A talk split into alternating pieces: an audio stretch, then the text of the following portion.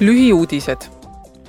sel nädalal kiitis Euroopa Parlamendi transpordi- ja turismikomisjon heaks kaks lepingut Ukraina ja Moldovaga, et lihtsustada piiriülest kaubavedu.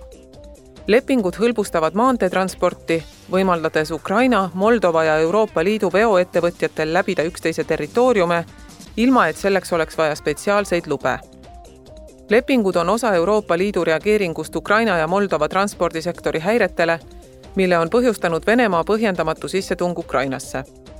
lisaks võimaldab EL-i ja Ukraina vaheline leping Ukraina veokijuhtidel liidu territooriumil sõites ka edaspidi kasutada oma Ukraina juhiluba ja kutsetunnistust.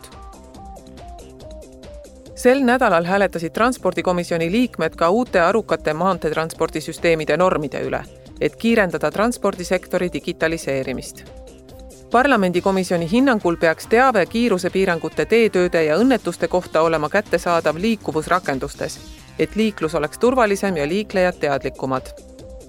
lisaks kiirusepiirangutele, liikluskorraldusele ja teetöödele soovitab parlamendikomisjon rakenduste kaudu teavet jagada ka alternatiivkütuste taristu ja halbade teeolude kohta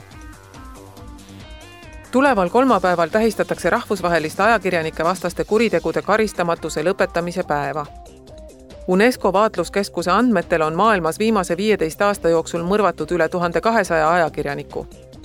enamikul juhtudel on süüdlased jäänud karistamata. ajakirjanike ja muude meediategelaste kaitse on üks Euroopa Liidu prioriteete, et kaitsta meediavabadust ja meedia mitmekesisust. sellega täna lõpetame. järgmised lühiuudised on eetris kolmandal novembril